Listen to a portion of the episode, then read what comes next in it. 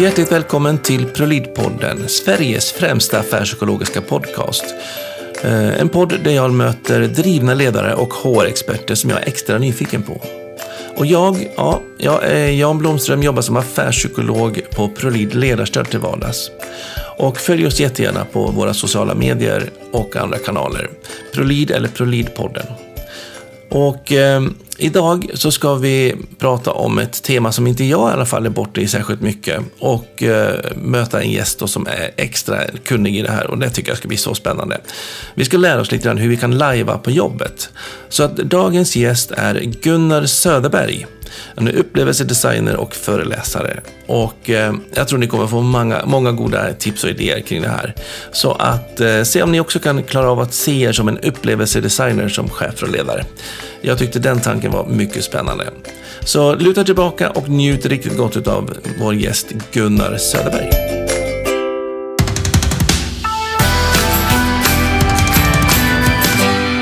Hjärtligt välkommen till ProLid-podden säger jag till dig Gunnar Söderberg. Tack så hemskt mycket. Eh, En person som jag är lite så extra nyfiken på för att jag tror att du gör mycket av de sakerna som jag aldrig gör. Och Okej. tänker jag, vad, vad, vad, det, det ska bli jättekul att se. Vad, vad, vad, vad har du i din världshorisont som inte jag har? Du jobbar som, eller har jobbat som kommunikatör. Du har jobbat inom Unionen som Jajamensan. fackligt. Eh, Du har författat flera böcker. Jajamensan. Trevligt, eh, trevligare människa framförallt en. Ja, det är den som egentligen handlar om eh, personligt varumärke och ledarskap på något sätt. Sen har jag andra bokprodukter som är mer underhållningsbaserade. Som är då lite mord till middagen till exempel. Ja, precis. Ja, den är en liten annan genre. Det, det är en annan genre, helt klart. Du har skrivit en bok som heter Vänd pyramiderna också. Vad handlar den om? Den är inte fullt klar, men den handlar om morgondagens ledarskap.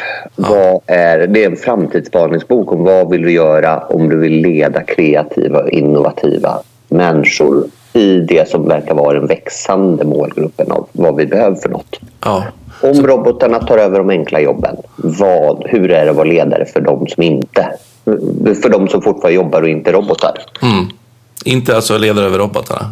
Nej, nej men det, där, det finns gamla eh, modeller som fungerar utmärkt för robotar. Ja, Och där folk ibland har stört sig på att människor inte är robotar. Så det, de ledarskapsmodellerna tror jag vi har. ja.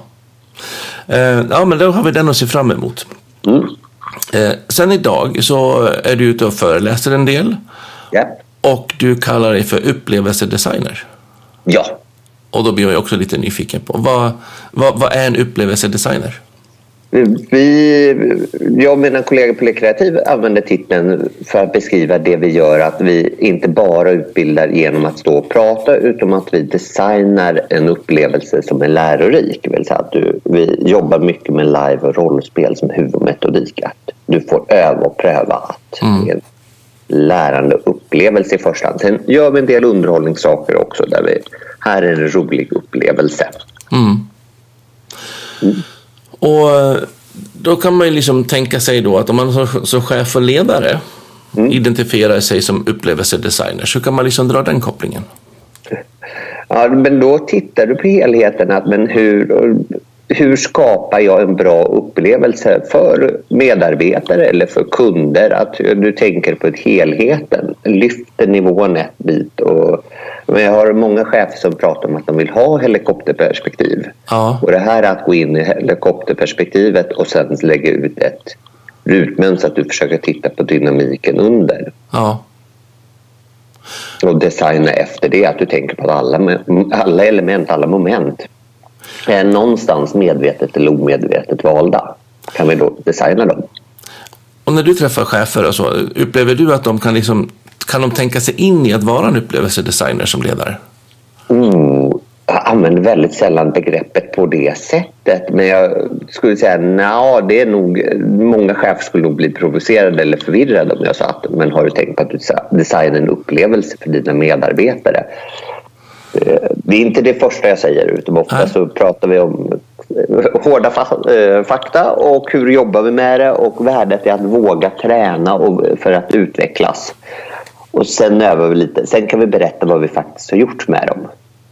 jag tycker det är just det här med att eh, provocera, ja, om, om cheferna blir provocerade av att, att vara upplevelsedesigners eller inte. Men jag, jag gillade faktiskt lite den kopplingen.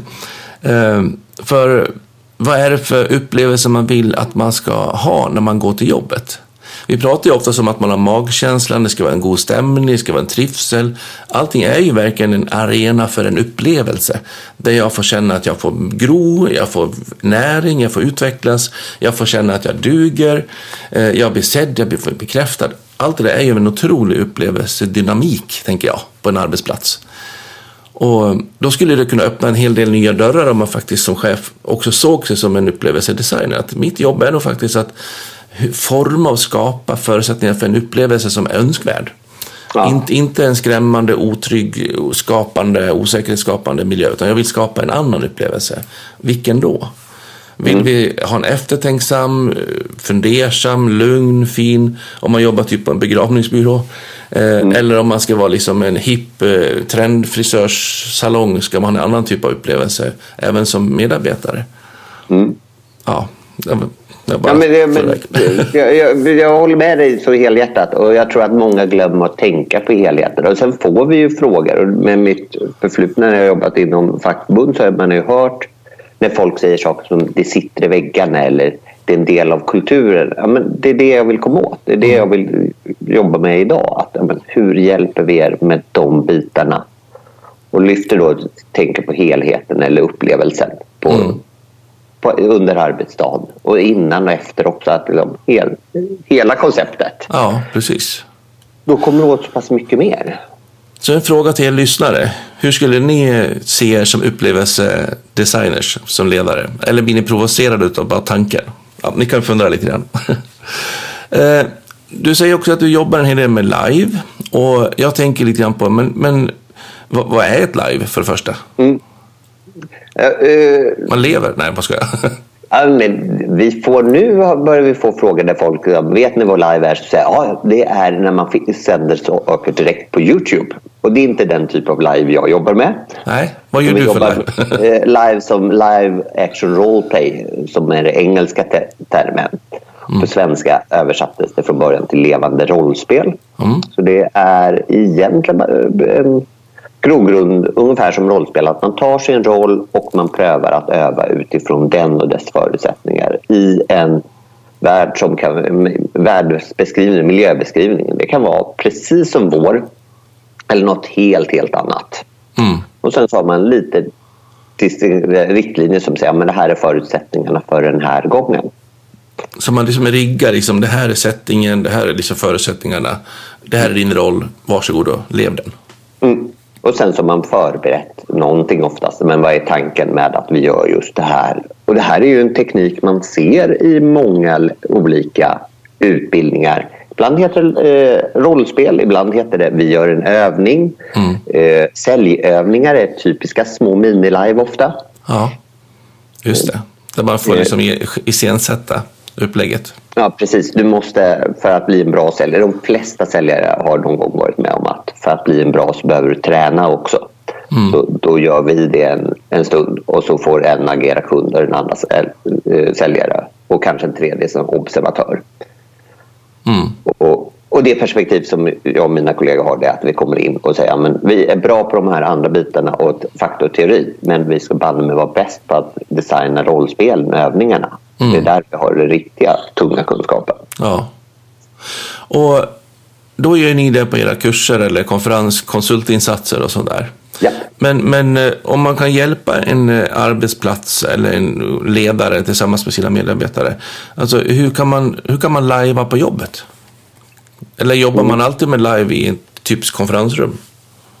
Det är, det är en hobby som... Jag är jätteglad om folk får bilden av att live det gör du i konferensrum. För just nu så är det så många som säger men live det måste du ut i skogen och medeltida kläder på dig. Jag, nej, det, du kan live i vilken miljö som helst. Du behöver inte vara i en skog. Eh, men... Jag som då bor på Gotland med, med medeltidsveckan har, såg genast den där bilden framför mig med alla kläderna. Ja, du har sett enormt mycket lajvare där förmodligen. Eh, men Förlåt, nu kom jag bort mig lite. Ja, förlåt. Hur kan man lajva på jobbet? Eller i ja, konferensrum? Du gör nog det väldigt mycket utan att tänka dig för. I alla fall om du övar. Annars så gör du all verksamhet skarpt. Mm. Men det är, ju, det är ju smart att testa saker.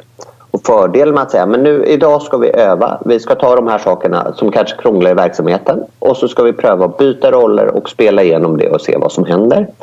Och sen kan vi diskutera för då får vi ett annat perspektiv och kan analysera flera som har mycket enklare att komma tillbaks, eh, att sitta i ett sånt sammanhang och säga men vad blev annorlunda, vad är det som är- skaver än om de kommer tillbaks utifrån träffat kund och någonting gick fel och behöver analysera den insatsen. Mm. Men det, är- då är vi tillbaka till att designa upplevelsen och det måste vara en trygghet först. Jag måste Så- känna att jag litar på mina kollegor. Så om du då som ger tips till, till chef och ledare men som ville testa det, liksom, vad, vad, vad vill du ge dem för första tips? jobba med tryggheten, kolla upp att folk trivs. Gör inte då. Är det så att det är sådana problem att du har en otrygghet i arbetslaget då ska du inte börja ta tag i det här själv för att då behöver du nog någon extern som kommer in och hjälper och tittar på det. Mm. Det är, och det finns, det jag har sett framförallt är när det kommer in en lösning där det blir att vi köper ut några och tror att vi har löst problemet. det har hänt va? Mm, Det, det har hänt och det är inte alltid problemet är löst för det. Det är snarare så att ofta så finns problemet kvar. Du har satt på ett plåster på det som är mest akut. Mm. Och sen har du egentligen inte löst det som egentligen var den bakomliggande orsaken. Eh, Och, det- och där handlar det om att bygga trygghet.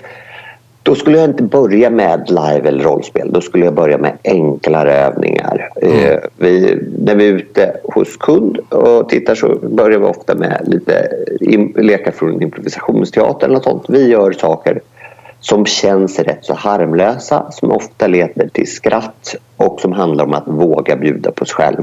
Mm. Och där är det viktigt, du bad om ett konkret tips. Det viktigaste är att chefen vågar bjuda på sig själv. Våga bjuda på sig själv helt Ja. enkelt. Mm. Och vad kan det vara för typ av eh, exempel? Har du något exempel på hur man kan vad kan det röra sig om? De här enkla, små, roliga sakerna Hur man enkelt leker igång det. Eh, när jag har en bra föreläsning eller kurs eh, och känner att men nu, har, nu är gruppen lagom trygg, då kan jag dra igång en Dancing-Oki. Eh, Dancing-Oki, det är som karaoke fast eh, dans och eh, alla är med. Ja. Du sätter på en eh, video på en storbild och sen så har alla uppgiften att dansa som de gör på videon. Okej. Och det gör att all, ingen hinner titta på någon annan för alla står och är fullt koncentrerade. Mm. Men och en, och Alla en bjuder på sig själv. Liksom. Ja. Alla bjuder på sig själv. Alla börjar skratta efter ett tag. Är det för eh, avancerat så eh, amöba-kull eller zombie-kull är jättebra. Basic. Det är en del som kan känna gud vad tramsigt det här blir. Vågar jag vara så här tramsig? Ja. Men det är väldigt enkelt sätt att börja leka igång. Och zombiekulla, vad är det för något? Som med kull så är det väldigt långsam kull. Alla, alla, Alla går som en zombie, jagar helt som enkelt. zombie. Amöba-kull, så när du kull- kullar någon så eh, tar du, kropp, eh, så tar du eh, handkontakt. Ja. Till sist så är det en stor klump av folk som går runt och jagar. Alla håller i alla. ja. Och om man då tänker sig, eh, du ska prata om det med trygghet. Om, om en chef vill testa sig igång och sånt här och sen visar sig att fasiken, jag har ju läst av gruppen fel. Den var inte så trygg som jag trodde. Vad, vad, vad finns riskerna man drar igång med för mycket sådana tekniker utan att gruppen är trygg? Vad händer? Mm, risken är ju att folk sätter sig i hörnet med armarna i kors och vägrar vara med. Mm. Eh, och Det det, är jätte, det är jätteintressanta signaler. Eh, delvis så behöver man då prata om varför gör vi det här? För det, ett problem kan ju vara att jag har inte berättat varför vi ska göra det. Och då blir folk mindre trygga. Mm. Vi måste berätta, vi kommer öva, vi kommer göra tramsiga saker nu för att vi får en poäng i det. Vi ska våga skratta tillsammans. Mm. Vi ska våga bjuda på oss, på oss själva. Och är det så att folk är så här, men jag vill inte bjuda på mig själv så behöver man berätta nyttan för gruppen att bjuda på sig själv.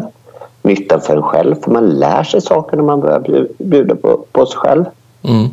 Eh, att det är bra för arbetsmiljön för att det skapar en bättre läryta. Om jag inte vågar bjuda på mig själv så brukar jag ha längre till att ta emot feedback och då har jag svårare att lära mig saker. Mm. Eh, sen brukar jag rent krasst också säga att men om chefen säger att nu ska vi göra det här så har chefen rätten att leda och delegera arbet, arbetet enligt, enligt arbetsrätten. Mm. Så det kan ju också vara så, men vet du vad? Jag kan, jag kan peka med hela handen. Tycker du att det är dumt att jag pekar med hela handen, då kan vi ha en MBL-förhandling om det här. Sen kan jag peka med hela handen. Det... Och då blir man anmäld för kränkande behandling sen för att man blivit utsatt för, för någon övning kanske. Mm. Det finns de övningar som där, där det kan hända, men de är ovanliga och då får jag ha tänkt efter lite bättre. Ja. Men det som det låter i alla fall är att vill man köra igång det så var noga med att prata om varför gör vi det? Att man är jättetransparent med, med, med liksom vad är syftet och vad vill jag för någonting? Och då behöver man ju tänka som ledare också vara noga med att tala om att varför duger inte det sättet vi gör saker på idag? Jo, jag vill få till en förändring därför att. Eller vi har fått klagomål på kundbemötande ute i kundtjänst eller vad det nu kan vara. Och därför så ska vi börja med amöba kull och sen ska vi köra lite karaoke-dans. För att sen träna på att komma till, till ett bra bemötande ute hos kund. Mm. Låter det rimligt? Det låter jätterimligt. Och det kan vara både att vi har någonting vi vill ta tag i, att vi har fått eh, på medarbetarundersökning eller kundundersökning att vi har sett problem. Det kan också vara så att vi vill bara förbättra oss. Mm. Och då tror vi att vi kan jobba med de här sakerna. Mm. Vi, vi, ska jobba med den sociala arbetsmiljön som vi ska förbättra löpande. Mm. Då är det här att våga ha lite mer lekfull på jobbet en jättebra teknik. Så. Uh, och tänker man att man får tillbaka en medarbetarenkät och man visar sig att ja, men vi har skårat ganska lågt på, på, uh, på glädjen på jobbet. Mm. Eller dålig feedback. Vi är varandra lite klent med feedback i gruppen. Mm. Uh, är det en sån sak som man då skulle funka bra att lajva runt? feedback definitivt. Eh, arbetsglädje, ja, men om inte annat så har de flesta när man har gjort de här övningarna. Det kan vara så att ja, vi vill jobba med feedbackövningar för att höja arbetsglädjen. Du kommer ha kul på jobbet när du mm. gör det. Eh, och generellt också jobba på att få upp, att bjuda på varann, en tryggare grupp. Ja, mm. Det är jättebra att göra de här sakerna. Kanske extra bra för de som tycker det är mest obehagligt. Mm. De kommer utanför sin box och då lär man sig mycket. Men om man då går på den eh, feedback-varianten mm.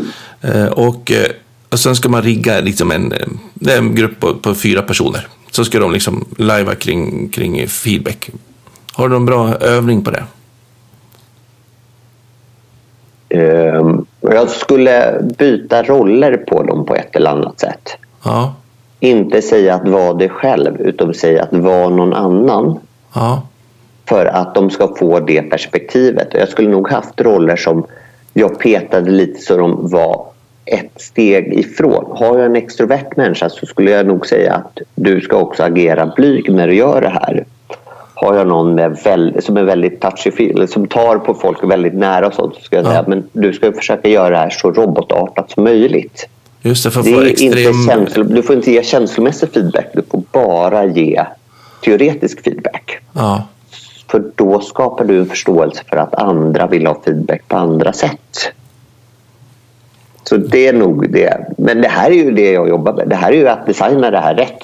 Det, är, det ska förhoppningsvis se jättelätt ut men det är rätt många tankar bakom. Att hur gör jag den här övningen så bra ja. som möjligt?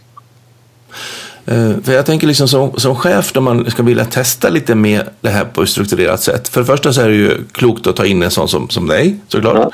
Ja. Eh, men, men många gånger så har man kanske inte den möjligheten att vill testa lite grann själv. Och då, då är det ju verkligen att uppmuntra till att, liksom, tänker jag, att, att liksom prova och, och göra det och se vad som händer och ha en diskussion efteråt. Tyckte vi att det varit bra eller ja. inte och utvärdera så.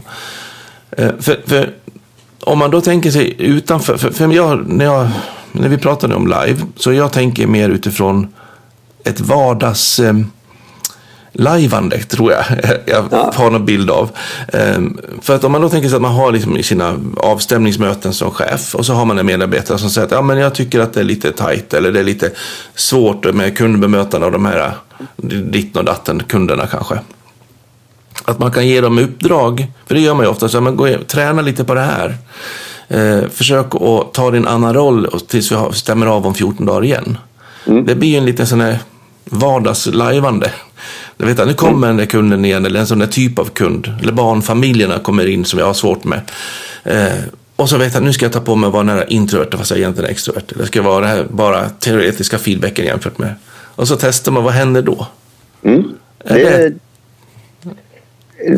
det där är säkert individuellt. För mig så kan det där vara en teknik att ibland gå in. Eh, framförallt har jag en sån minne av när vi gick danskurs, jag och min fru, och kom till tangon. Ja. Tango lärde jag mig genom att live att jag var en tangodansare. Ja. där satte jag hållningen i kroppen så gick tangon utmärkt. Glömde jag bort att jag var vanliga Gunnar, då gick det inte att dansa tango. Så, Nej, så du måste liksom leva in i att du var tangokungen? Ja, precis. Ja. Och jag tror att det, det här, för vissa är det där lätt att plocka. Kan jag vara någon i närheten? Kunden ska ju fortfarande få en genuin upplevelse. Ja. Det, det, går ju inte att jag är helt olika människor med olika kunder för de kommer ju höra att jag, att jag är det till nästa kund, att jag har ett annat bemötande. Nu är jag gammal butikschef så jag tänker tillbaka till de lägena. Att, ja. Om jag kunde växla lite jargong mellan kunder men gjorde jag det för mycket så skulle nog folk reagera. Det var så många stammisar i det centrumet också. Då skulle de reagera på att men, vänta ett tag, han är inte genuin. Och då har jag tappat alla affärer. Men däremot att jag är lite anpassad. Nu mm. pratar jag med en äldre eller nej, någon som är traditionell gubbe. Ja, ja. Då får jag vara mer sikt. Är det en ung kille som kommer in i munkjacka och jeans, ja, då ska jag vara lite mer chill och har olika referensramar. Vad pratar jag med de här om? Mm. Vad är chitchattet? Vad är småpratet om? Och det är väl en del av, av det individuella ledarskapet också, att anpassa sig till vad medarbetaren behöver. Ja. Men ändå ha kvar sin egen själ och stomme liksom. Mm. Och det är ju samma sak man behöver träna då med sin personal. I alla fall alla som har med kunder, men jag skulle säga alla som har med människor att göra. Tänk ja. att du får möta den andra lite grann. Ja. I retoriken heter det att man har rapport, att man vill uppnå rapport med folket. Spegla den andra lite lätt. Ja. Gör vi det helt så blir det överdrivet och konstigt. Men gör vi det lite grann så kan det skapa en närhet, att vi känner oss tryggare varandra. Det är som att man har en adapt mellan datorn och telefon. Precis. Eller projektorn. Så att, ja. Bara så att det passar, men mm, inte tar precis. över. Ja, spännande. Jag hoppas att eh, ni går hem och testar lite liveövningar både i konferensrum och på APT och, och i, i vardagen kanske lite grann. Eh, det låter ju faktiskt lite roligare än vad jag hade tänkt från början. Det är väldigt kul och så, ibland så är det en balanssak att hålla det så att det inte bara är tramsigt kul. Ja. Och ibland så är det så att det får vara väldigt tramsigt kul men i efterhand kan vi berätta fast det är de här sakerna jag övat på och lärt er. Mm. Det är ju nästan skönast att folk säger ah, ja ja. Är det någonting Precis. man inte ska lajva om? Du ska vara väldigt eh, försiktig när det gäller svårare ämnen. Eh, och fundera efter vad är det jag går in på. Jag kan tänka mig att eh, ja, men du och jag som är, nu tror, tror jag att du och jag är någorlunda jämngamla, men vita medelålders män. Vi kan hålla oss från alla metoo-ämnen ska inte vi lägga upp själva. Utan det blir bara fel. Eh, att jag skulle designa ett live som handlar om invandrares villkor skulle bli väldigt konstigt om jag inte tar med mig någon som faktiskt kan dem bra. Mm. Så du måste hålla en stor respekt för vad är min ram och hur kan jag göra det här utifrån min ram. Jag kanske skulle kunna designa ett live som eh, vänder på steken. Vad händer om svenskar flyttar någon annanstans? Mm. Eh, eller göra någonting, ett framtidsscenario som pekar på de sakerna med utsatta grupper. Att, eh, men jag får tänka efter. Vad är, vad är mina ramar och vad är det jag bär med mig in när jag gör övningen? Och att det inte finns andra som sitter med liksom en sannare bild. Nej. För, för om man då tänker att man gör en framtidsbild så har ju faktiskt inte utlandsfödda sanningen på, på hur den framtida bilden blir heller. Nej. Mm. Eller vilken grupp det nu är. Ja. Mm. Spännande. Eh, så tänker jag också att vissa medarbetare kanske är mer lättstartade för lajvandet än vad andra är. För att det ligger närmare ens personlighet och så. Jajamensan. Ja. Och där är det... Ska man inte tro att man har facit oavsett hur bra man känner sina medarbetare. Nej. För många år sedan så höll jag och min fru ett tag på. Vi gjorde mordgåtor för företag och för eh, möhippor. Och då bad vi den som beställde eh, kasta roller, alltså rollbesätta. och sen sa vi att ja, det här är en utåtriktad pratig roll. Och det gick oftast fel. Då satte de det på den utåtriktade pratiga människan som var det i vanliga fall. Men det var inte säkert att den klarade av att spela en roll som var som den. Nej. Flera gånger så blev de tysta i rollen och tyckte det var jättesvårt. Medan någon som de hade tänkt, den här är så introvert, den kommer inte klara av det, eh, så hemskt tungt roll, blommade ut fullständigt. Ja. När den får en roll istället att gömma sig bakom. Jätteviktig eh, sak. Mm. För att vi har ju så snabbt då redan kategorisera. Mm. Och det där tycker jag man också ser när man har en tyst och försiktig kanske person på jobbet och så går de hem och så är de ledare för idrottsrörelsen eller, och tar en helt annan position i mm. andra sammanhang. Vi, vi, vi, vi förminskar gärna och begränsar. Mm. Mm. Så eh, pröva att skippa dina fördomar lite där ett tag. Ja. Bra. Eh, jag är lite nyfiken på en aspekt till kring det här eh, och det är gamifiering. Ja. Som begrepp. Vad, vad tänker du kring det? Gamifiering är väl, om du kollar på Wikipedia står det någonting, det är att införa spelmoment i ställen där, som inte är spel. Mm. Och jag brukar prata om det utifrån hur gör du det i arbetslivet när du tar in olika spelmoment för att för, på något sätt oftast öka effekten i en arbetsgrupp. Och då har jag ett par så här saker. Delvis brukar jag påminna om att ordet game eh, inte bara översätts till spel på svenska utan det också översätts till lek. Att om man tittar på att behålla lekfullheten, blir det bara en sport och tävling så har det oftast inte så många positiva saker som det tar med sig. Eller det tar med sig rätt mycket negativa saker också. Mm. Eh, att det, det, är en design man ska vara försiktig med och inte tro att man bara slänger på för då kan det bli fel. Jag har sett i provisionslösningar framförallt som är ju någon form av väldigt enkel gamifiering. Vi vill att säljarna ska sälja mer. Vi slänger på ett provisionssystem. Ja. Eh, om man bortser från att det finns forskning som säger att det kanske inte ens är effektivt så... Mycket tyder på det, ja. Eh, så har du också en bit att ibland så blir det fel. Att folk jagar efter det som är målsatt och mm tappar olika bitar. Vanligast att de tappar och jobbar med stamkunder för att nykund ger bättre provision. Mm. Och inget, eller väldigt få företag klarar sig på bara nykundsförsäljning utan du måste vårda de här långa och det tar tid oftast. Och ger kanske inte den här korta belöningen den här månaden? Nej. Och vi tänker mycket enklare på korta belöningar än långa. Det är abstrakt för oss att tänka på årsbonus. Mm. Så, så det blir de korta man ofta jagar. Det märker man så väl också när försäljare ringer och säger att du får typ en total dumpning på priset för det sista dagen det går. Min bo, annars så missar jag min bonus. Några få är ju raka i alla fall och kan säga vad det handlar om. Mm. Kan du hjälpa mig? Liksom. Men jag har inte behov. Ja, men och då har du egentligen designat systemet dåligt tycker jag. Mm. Då har du game, game, försökt gamifiera på en väldigt enkel nivå. Mm. Och då blir den för grov och då missar den. Mm. Om man ska ha lite mer sofistikerad gamifiering då, på jobbet, vad, vad kan det handla om?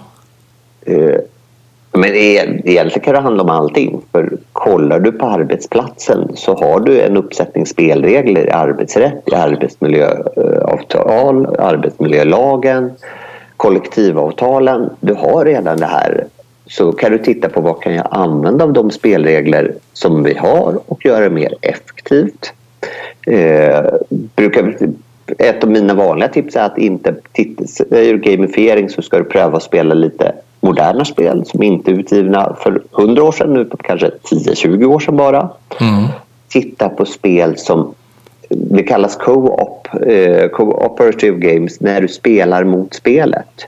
Och tänk att det är det här vi vill uppnå, att vi på arbetsplatsen, vi tävlar tillsammans. Många när de inför gamifiering inför oftast individuella eh, bitar. Mm. Att varje anställd för sig själv ska, någon kommer att vinna.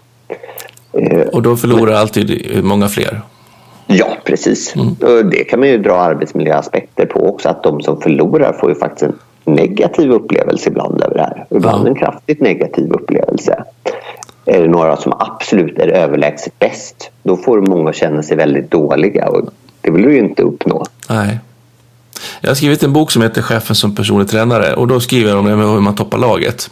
Mm. Eh, och eh, just det med att om man då tar in den här superstjärnan i, i sin grupp, vad viktigt det är med att verkligen rigga och verkligen göra de här medvetna eh, valen transparenta. Mm. Så att just inte man får den här motsatta effekten hos de andra. Mm. Mm. Många gånger är det lätt att tro att den där toppkompetensen är liksom räddningen och då är ju framförallt inte de andra någon räddning. Och de är lika mycket räddning de också, för de behövs. Ja, och toppkompetensen är ju inte säkert att den blir toppkompetens när du sätter den i ett annat sammanhang. För att den bygger oftast på en laginsats bakom också. Ja, och särskilt om det blir en avundsjuka och, och, en osämja bakom som gör att mm. man motarbetas mm. i, i, gruppen så blir det ju... Mm. Ja, men det är jätteviktigt och det, det är så här fallgropar. Ja. Ja, spännande. Eh, gamifieringen har ju lite grann, som du nämnde, det med, med spelregler eh, också. Det finns mycket där. Och, och, hur man kan spela dem på ett bra sätt. Eh, och lite avslutningsvis, det med spelregler på en arbetsplats. Var, varför är de viktiga?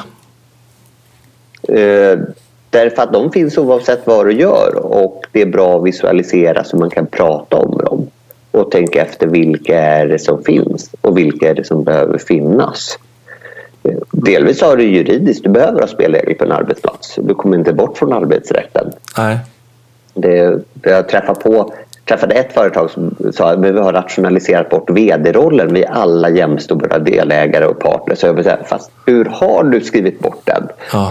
Fram, på pappret har vi inte gjort det. Det har inte vi heller gjort. Vi är också väldigt platta i strukturen. Men någon måste stå formellt ja. på ett visst ansvarsbit.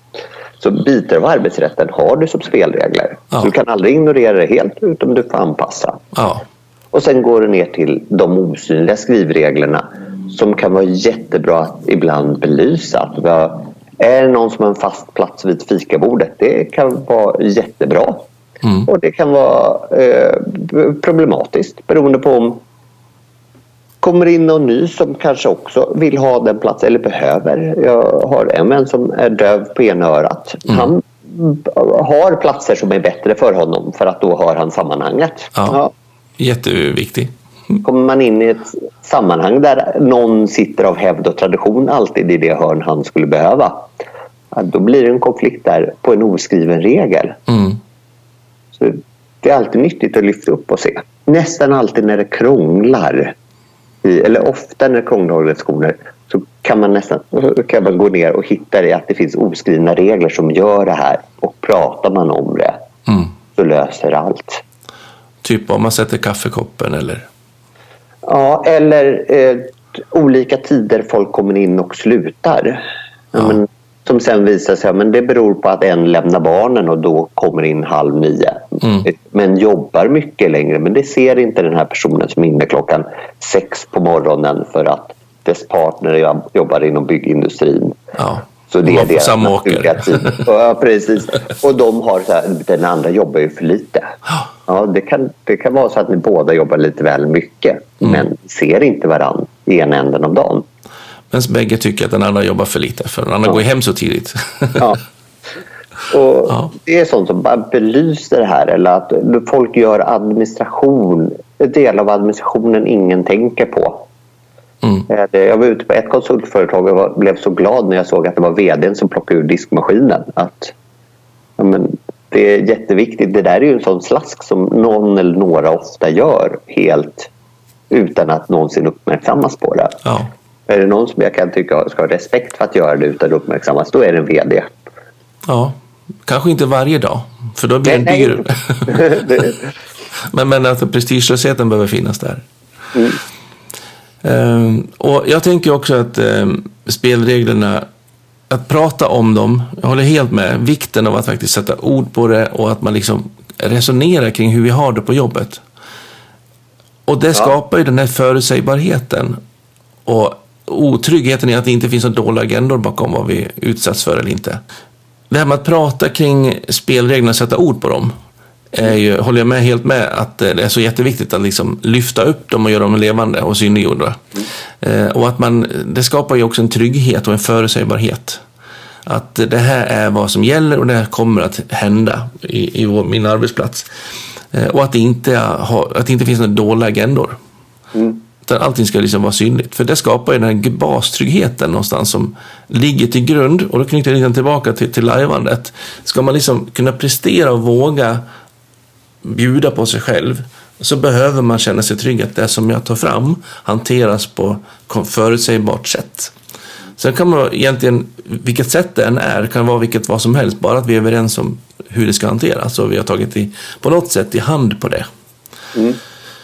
Och... Det finns till nytta med att lyfta upp spelregler, de osynliga spelreglerna. Att ibland så säger man det här hittar vi som osynliga spelregler. Varför gör vi så här? Ja.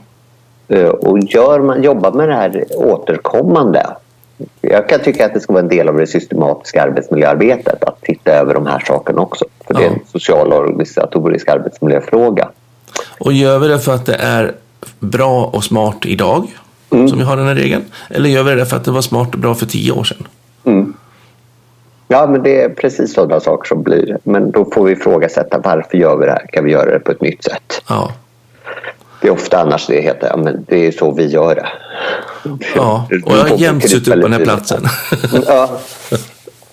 ja, jag hade ett eh, världskrig med en, en gång på en arbetsplats jag jobbade på. Med just fikaplats. I 14 dagar höll vi på att kriga. Mm. Utan att någon sa någonting. Jag tänkte jag ska fasiken se om jag kan erövra den där stolen. Eh, men jag gav mig. För det var liksom så obehaglig stämning i hela fikarummet. Ja, och, och, och då är, det är så många andra saker som blir så här. Varför då? Vad är det för något? Är det här en bra struktur? Finns det någon, ibland så ligger det någon härskarteknik där i bakgrunden att någon försöker sätta sin status på en plats. Och man säger, ja, ja, det, här det sker för organisationen. Mycket, det sker så mycket spännande. Ja, det här är ett, en bransch och ett jobb som är hur spännande som helst. Och jag tycker det mm. är kul att få höra lite lajvandet eh, framför allt för att kunna liksom få lite andra angreppssätt på de här frågorna. Mm. Uh, jättespännande att få ha haft dig som gäst. Jättetrevligt att få vara med. Om uh, man vill få lite mer kontakt med dig och anlita dig och bolla vidare med de här diskussionerna, var får man tag på dig någonstans? Lekreativ heter det företag jag arbetar på. Uh, och då hittar man oss på lekreativ.se. Ja. Och sen hittar man mig på gunnarsoderberg.se också om man vill ha tag i mig som föreläsare. Suveränt. Så vänd er dit allihopa som vill ha lite mer diskussion. Eh, annars så är ni välkomna tillbaka till ProLid-podden nästa avsnitt. Tusen tack för idag Gunnar. Tack så hemskt mycket själv. Bra. Hej då. Hej.